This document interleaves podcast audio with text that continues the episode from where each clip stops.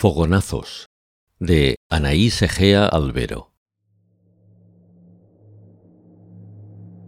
Justo antes de ser engullido por la oscuridad, vio a su madre sonriéndole desde el sudor y la bruma.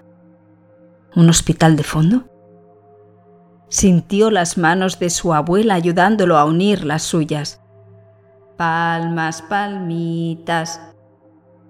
El suave empujón de su padre para impulsarlo en los columpios. La maravillosa sensación de vértigo. Y el aire contra su cara al pedalear al máximo. Las largas conversaciones con su mejor amigo. La mirada de orgullo de su profesor de física las notas máximas en los exámenes de acceso a la universidad.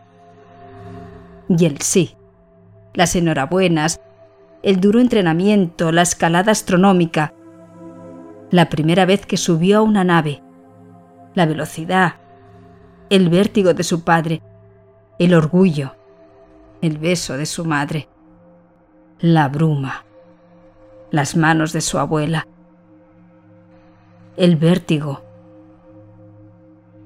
la oscuridad del agujero negro.